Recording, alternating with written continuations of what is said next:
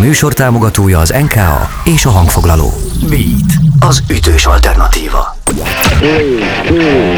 Következik a Beat korszak. Rock történet hangosan. Sziasztok, Váradi Ferenc vagyok, ez már a Beat korszak, a rock történet hangosan, rövidesen Varga Zsoltal a Kerecsen zenekar vezetőjével beszélgetek, aki itt velem szembe. A motorját ugyan nem hozta be a stúdióba, de higgyék el nekem, hogy motorral érkezett. De nem csak a motorról és nem csak a gitárról fogunk beszélgetni Zsoltival, sok mindenről még talán a gyerekkor is szóba kerül. És az az elszántság, amelyel vezeti a Kerecsen zenekart hosszú-hosszú évek óta. Vendégem tehát Varga Zsolt, rövidesen kezdünk. Beat korszak. Rock történet hangosan. Megérkezett Varga Zsolt, a Kerecsen zenekar alapítója, ugyebár. Szia Zsolti! Sziasztok, üdvözlök mindenkit! Jó melegban és a rockerek ilyenkor feketébe vannak. Igen, ősi szokás szerint. Ez, ezt írja elő a tradíció. Ezen nem lehet valamit változtatni? De hogy nem lehet. Én ez most teljesen véletlen, ezt kaptam ki a gardróbból. Egyébként nem csak feketében járok, hanem mindenféle. Na, egy-két szint kivéve nem fogom most sorolni. Itt vannak a lányaim is, most így ők kint vannak.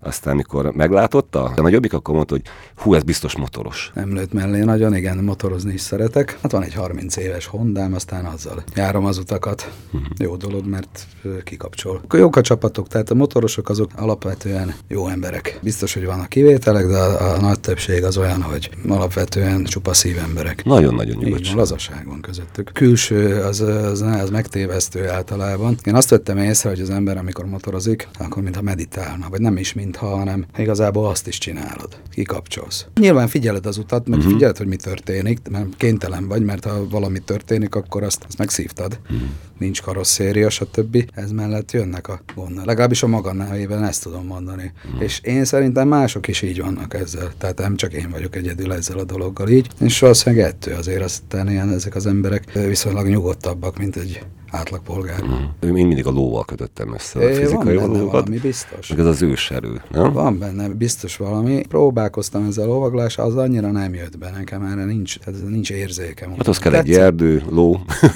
Nem is erről van szó, az még csak lenne is, mm. tehát nyilván nem saját, hanem, hanem vannak lovas barátaim. El is járogattam oda, de mert tetszett, tehát így elméletben nagyon tetszett a dolog, vagy szóval gyakorlatban az valamiért nem. Viszont a motor az nagyon passzol. Ott rátaláltam arra, amit keresek. Ennyit bevezetőnek, aztán indul a beszélgetés. Beat korszak. Beat. Beat az ütős alternatíva. Varga Zsoltal beszélgetek a Kerecseny zenekar énekesével. Tehát nagyon kíváncsi lennék, hogy mondjuk egy, egy 7 éves Varga Zsolt hogyan gondolkozott, hogy nézett ki, biztos nem volt ekkor a szakálla. Hát akkor még nem. Azt mondják, hogy az embernek az életének az első 7 éve hihetetlen fontos befolyásolja az egész életébe. Ezt, ezt nagyon okos emberek mondták, és ebben van valami. Neked milyen volt az az első 7 év nagy vonalakban? Akkor kirajzolódott valami benned, hogy mi lesz el? Igazából nem sokat gondolkodtam most, hogy így ma előhoztad ezt a témát, hát nem is tudom, vegyes, de alapvetően jó. Hogy visszagondol az ember, akkor sokkal szabadabban gondolkodik akkor még. Nincsenek tabu témák, ugye? Bármi jöhet. Ezáltal szabadabbnak is érzi magát az ember. Egész kicsi koromig vissza tudok emlékezni dolgokra, kell körülbelül három éves koromig, tehát amikor mit tudom, legurultam a három évesen a pincébe a lépcsőn meg. Boros pincébe, Zsolt? Nem, nem, nem, nem, nem ilyen biciklis pincébe. Én falun nőttem fel, öt éves koromig falun laktunk, mert a szüleim ott kaptak állást, és akkor egy, hát nem albérletben, hanem a TS-nek volt ott kihelyezett lakása, nem kihelyezett lakás, az hülyeség. Ilyen bérlakás, ugye? Ilyen bérlakás, mm. és ott laktunk egy ilyen kettő vagy három szobás lakásba, ott jártam óvodába már, amikor elmentem, mert ugye akkoriban még 70-es évek elejéről mm. beszélgetünk, és ezt simán elengedtek, hogy menjél fiam óvodába. Hát mm. aztán vagy oda mentem, vagy három-négy évesen. Mikor még nem jártam óvodába, akkor néni vigyázott rá, aki minden nap öntött egy kis hotellót nekem, hogy érezzem a törődést. ilyen, ilyen dolgok. Tehát most jönnek elő ezek a dolgok, tényleg. Ez, ez egy nagy kincs, hogy valaki falun nő fel. Az valami csodálatos. Nem ott nőttem, öt éves koromig. Hát aztán, akkor aztán, aztán utána visszaköltöztünk Komáromba, mivel aztán már ott volt, ott volt állásuk a szüleimnek, és akkor ott vettek házat, és gyakorlatilag én ugyanabban a házban élek a mai napig. Nem velük nyilván, de azóta ott lakom. Az egy elég nagy törés volt nekem egyébként most, hogy így, így vele gondolok. Mert amikor visszaköltöztetek? Amikor, igen, igen, mert én öt éves koromig ott voltam. Tehát a nagyszüleim Komáromban éltek, jártunk be hozzá, stb. Stb., de ott volt az otthonom, ebben a faluban, Perbetén. Mond még egyszer? Perbete. De szép. Ez Komáromtól ilyen 30 kilométerre van felvidék. És az, az, az, egy törés volt. Hát ugye a haverok azok ott maradtak, ugye én mégis teljesen vadi új környezetbe kerültem. Barátokat kellett. Megtaláltam, nem arról van szó, de azért elég sokáig így visszasírtam a perbetei éveket. Hát emlékszem az iskolába, általános, hogy mindig arról mesélt, ezek többiek, mert adjál már, hogy tértek el. Hogy mi van mi volt. De nekem ez úgy benne. Akkor kutya, macska, állatok, szabadság, minden. Is, igen. Hát Na. ott, ahol laktunk, ott még lovak is voltak. Na, minden. Az egy érdekes volt. Nyilván jó, hogy nem maradtunk ott, mert akkor egész másképp alakult volna az életem, és én azért elég jó el vagyok a bőrömbe. Úgyhogy mindennek oka van. Bármi történik az emberre, jó is, rossz is. Igazából nincs is jó meg rossz, csak történetek vannak. Egyébként néha eszedbe a gyerekkorod? Persze, hát sztorik vannak, persze, meg hát sztorizunk is haverokkal, mit tudom én, tehát már inkább mondjuk a későbbi gyerekkorról, amikor már suliba jártunk, meg hát azért tartom a kapcsolatot azokkal a srácokkal, és úgy fölelevenítjük, és jókat röhögünk, akkor a hülye volt akkoriban. Oda mentél, akartunk, uh-huh. forgalom nem volt, ugye olyan helyeken jártunk, hogy majd gyerekek el se tudják képzelni. Szedtük a töltényművelyeket, meg találtunk még, akkoriban még nem volt kunst háborús sisakokat találni, meg, meg ilyen dolgokat, németet, oroszt, akármilyet, ez ma már nincsen. Megvan azon első daloknak a valamelyik, akkor hogy, hogy, hogy fejbe vágott, hogy hú, de jó, de jó. Hát akkor lehet, hogy rádióban, lemezről, nem tudom, miről hallottad. Ez mint inspiráció. Hát én nagy Beatles mániás voltam, mit tudom én, ilyen ötödikes koromban. Hmm. Tehát fújtam kívül, nem tudtam angol, most se tudok, de kívülről fújtam a Beatleseket, meg volt az összes igaz, hogy Orsós Magna, akkoriban volt azt hiszem Petőfin, hmm. leadták komplett az egész diszkográfiát, és én szépen feljátszottam Magnóra, és akkor egy ilyen két-három éven keresztül csak a Beatles. Aztán beszereztem pár lemezt is tőlük, Bakeliten, stb. De amikor jött a Black Sabbath, meg a Led Zeppelin, akkor a Beatles törlődött a szalagokról. amikor felnő a gyerek és hagyja a szüleit. Hát ez a mit tudom én, tehát ilyen 13, 12, 13 éves koromban. Hát akkor jött az a igazi löket, tehát ez a hard rock, hard rockos, heavy metalos történet, ami aztán hozta a többit is magával. Na, mindjárt erről beszélgetünk, hogy mit hozott magával. Beat Korszak.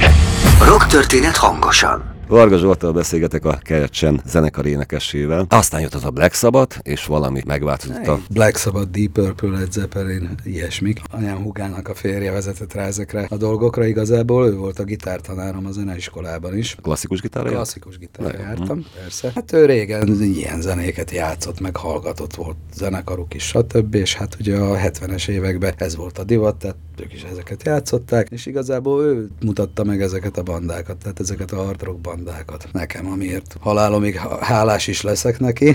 De szerintem az sem, hogy megtanulták kottát olvasni, meg klasszikus gitározni. Nem? Megtanultam, de most ha elém raksz egy kottát, akkor elég nagy bajba lennék, mert kb. 30 éve nem Jó, nem mondom, hogy nem tudom, miről van szó, de blattolni biztos nem tudnék, tehát az, az azért nagyon vissza kéne nyúlni. Nem volt okom, vagy nem volt lehetőségem, hogy mondjam, hogy én mit kottam, mert általában olyan emberekkel játszottam én mindig egy zenekarba, akik nem igazán ismerték a kottát, az pedig arra lenne jó, ugye, hogy leírod, odadod mindenkinek, hogy ezt kéne játszani, és akkor nem kell magyarázni, de hát ez nem volt, úgyhogy én se használtam igazából. Ez baj, mert ez azért alaposan megkönnyíteni az ember dolgát, de azért föltalálom magam így is, tehát annyira mégse talán. De mondjuk hangszerelésbe, gondolkozásba lehet, hogy azok a klasszikus zér valami rendet pakoltak a félbe, még ez így van. a tudat alatt is. is ez így van. Tudatos tudatosan és meg tudat alatt is nyilván, mert a klasszikus zenébe azért ott mindig rendben van minden, és, és azért ez rögződik az embernek a fejébe, hogy, hogy egy, a zenébe mit lehet csinálni, mert a, zene, a zenébe azért vannak szabályok. Most nyilván át lehet hágni a szabályokat bizonyos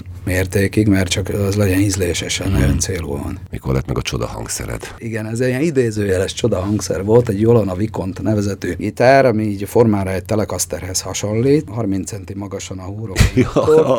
aki ezen megtanul gitározni, azután minden nem tud játszani. Hát nem tudom, nem szeretnék olyan játszani. Ha már kap egy normális gitárt arra. Igen, igen, annak nagyon oda kellett nyúlni, ráadásul hang, hangja se volt, ki volt belezve, mikor megvettem, hát ezt nyári szünetben elmentem brigádozni. Hát nem tudom, hogy ez mennyire mennyire szalonképes, hogy amit most mondok, Max kivágott belőle, egy fürdőbe, ahol a, a hogy mondják ezt? Hát tudom, a kakit kellett kiszedni. Hát a szarágyú, ugye? Igen. Akkor dolgoztam ott azt hiszem egy hónapig, és akkor amit ott kerestem pénzt, abból vettem ezt a csodahangszert, aminek két alkalommal örültem, akkor amikor megvettem, és amikor eladtam. és utána még jöttek ilyen hasonló szőrű dolgok, tehát ilyen jolanák, aztán az első olyan gitárom, ami azért játszható volt, szintén jolana volt, ez egy Jantár nevezetű Jolana volt, nagyon iszonyat kényelmes nyakkal, szar hanggal, de aztán pickup csere után az azért tudott működni, és utána 80-as évek vége, 90-es évek eleje, ugye elmentem katonának 88-ban,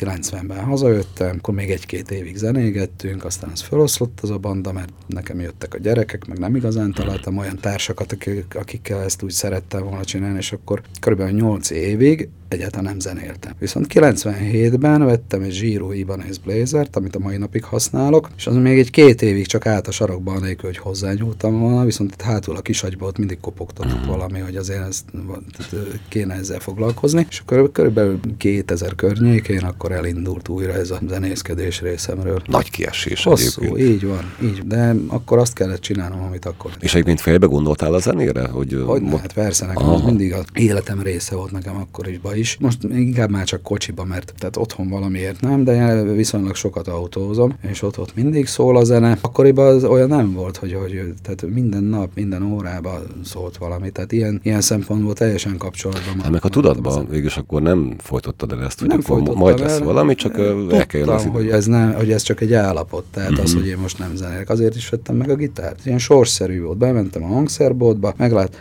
iszonyat ronda színe volt. Tehát ilyen űrkis, kék, valami, nem is tudom.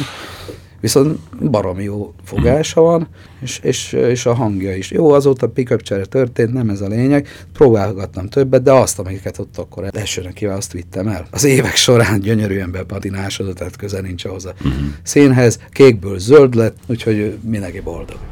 Beat korszak. Rock történet hangosan. Varga Zsoltal beszélgetek a Kerecsen zenekar énekesével. Tehát volt egy hosszú leállás, aztán jött a jó kis gitár, pár évig kerested a helyedet ugye a zenétéren, aztán 2004-ben én azt gondolom, hogy megtaláltad. Mindazokat, amiket most elmondtál nekem, kezdem megérteni a zenekarodnak ezt a nagyon masszív jelenlétét. Szinte egy életmunkája teljesedett ki. Egy fél életmunkája, hát, hát azért még sok van hátra. Hogy, hogy a B oldal érdekesebb lesz. nagyon, az a vicc ebbe az egészbe, hogy ezt kívülről nézi, azt gondolhatja, hogy gondolj bele, 2004-ben alakultunk. Csináltunk három demót, egy albumunk jött ki, és most fejezzük be a, a második albumunkat. Tehát 15, vagy mint most nem, nem tudok fejszámolni, tehát 2004-től idáig más banda csinál 10 lemezt. Igaz? Na hát nekünk ez nem jött össze. Nagy baj ez? Hogy látod? Nem baj, miért lenne baj? Nekem most tényleg a PG-nek jut eszembe egy dalcíme, ez a Nem sietünk sehova. Igen. Igen, csak nem tipikus ez a sztori. Nem. Nem, nem. tipikus ez a sztori. Megnézel más bandákat, évente, két évente jönnek ki albummal, egy 15 éves bandának minimum 7 lemeze kéne, hogy legyen. De nem biztos, hogy hiteles. Az lehet. Nem lehet ezt varázsszóra előhozni. Egyrészt, ez az egyik ok. A másik ok az, hogy azt azért tudni kell, hogy ebbe a bandába óriási volt a fluktuáció. Hmm. Tehát mire megtaláltam azt a pár embert, akivel ezt tényleg lehet csinálni, olyan szinten, hogy eljussál oda, hogy stúdióba tudj menni. Nekünk volt olyan, hogy elmentünk a stúdióba, kiderült, hogy a dobos nem tud taktiára dobolni. Nem akarok senkit ezzel nyilván kérdezni, előtte már mondtam neki, hogy azért figyelj öreg, szoktál taktiát? Nem, 25 éve dobolok, te nekem nem magyaráz. Oké. Okay. Elmentünk a stúdióba, és ott reggel 8-tól este a jatig egy számot próbált kalimpálni fölfele, és nem sikerült. És akkor elkullogtunk. Sok hasonló, nem, nem pont ilyen, de hasonló okokból aztán az emberek jöttek, mentek a bandába, és a lemez meg nem jött. 2014-ben talán így valahogy azokban az időkben találtam rá a most már alapembernek számító másik két tagra is. Nem is volt változás azóta, ugye? 14 óta nem is volt változás nálatok. Volt változás, tehát a Hatalajani meg a Falusz ja, Krisztián, tehát ő, ez az a csapat. Krisztiánnak el kellett menni külföldre, úgy hozta az élet, hogy nem tudott itthon maradni egy két évet vagy három évet kint volt külföldön. Én tudtam, hogy visszajön. Tehát őről, ő volt az egyedüli ember, akiről azt mondtam, hogy ha te visszajössz, akkor visszajössz. Mert a hozzáállása viszont jó volt. Én azt respektáltam, megértettem, hogy most nem tud itthon maradni, visszajött. És ez ez az egy változás, illetve nem ez az egy változás, mert most van még változás, mert még két, illetve három taggal bővült a zenekar.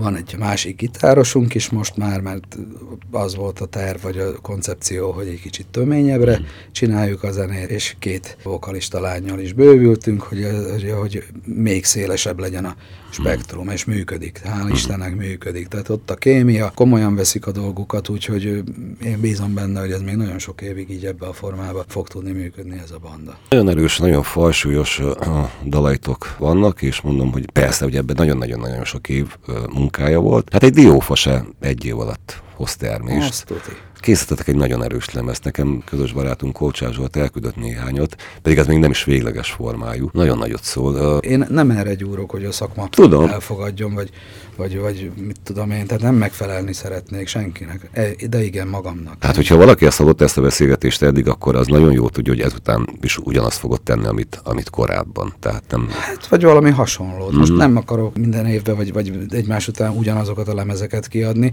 Nyilván lesznek változások, de az alapsztori az, az marad. Hát mert itt alapból lesz változás, mert ugye az első albumot hárman játszottuk fel, Igen. plusz volt egy, egyik dalban egy, egy elmondos kíséret, a, a Balázs Patrik tolta fel, mert abba kellett, de ő vendégzenészként. Viszont most, most alapvetően hasonló lesz a zene, csak a, a zenei spektrum szélesebbre fog nyílni ezáltal, hogy új tagok is vannak a zenekarban. Tehát nem cseretagok, hanem kibővült. Igen. A zenekar háromról hat tagúra bővültünk. Egy dalról beszélünk egy kicsit. Nekem egy hát életem meghatározó élménye volt Cseh Tamás, meg Bereményi Géza, ugye? Igen. Úgy tudom, Gézának is megmutattátok ezt a dalt, és, Igen. és nagyon-nagyon respektálta. Igen, hát tetszett neki. Ez a dal így. Tehát én ezt a dalt nem is tudom, mikor hallottam először. De amikor meghallottam, akkor az mindjárt be lehet. Mondjuk, hogy melyik dalról, hogyha valaki nem tudná, ugye? Ja, elnézést, a szénatér. Ugye a Budapest ostromának állít emléket, 44-45, mm. és amikor én ezt a dalt meghallottam, hát mondom, ez tehát nagyon jó a Cseh Tamás előadásában, most nem erről van szó, de én egy, egy rokkos beállítottságú ember vagyok. Egyből az jött le, hogy ez a dallamvilág, ez teljesen élik, és, és a maga téma is, tehát ez egy súlyos, döngölős, kemény zenét igényel. Szóval Megpróbáltuk ezt összehozni, most szerintem jól sikerült, nem tudom. Szerintem is. nem akarom itt magunkat fényezni. Ehhez a témához csak, így lehet, csak úgy lehet hozzányúlni. Ezek komoly témák, és ha nem úgy sikerült volna, ha nekem nem tetszik, akkor biztos, hogy nem kerül ki a közönség elé. Most meg lehet nézni, ott van a YouTube csatornánkon, van hozzá egy ilyen kis klip is, úgyhogy tehát a Kerecsen zenekar csatornáján megtalálható, hogyha valakit érdekel. És nem csak ez. Hát nem csak ez. Beat korszak. Rock történet hangosan. Varga Zsoltal beszélgetek a Kerecsen zenekar frontemberével. Koncertek most már vannak. Egyébként a zenekarnak a Facebook oldalán, a honlap oldalán, meg különféle események kapcsán ezeket meg lehet tekinteni. Nyilván azért Fokozatosan pakoljuk föl, mert ugye a, helyzet az olyan, amilyen. az a biztos, ha már vég a koncertnek, ugye? validál. A- Egyébként igen.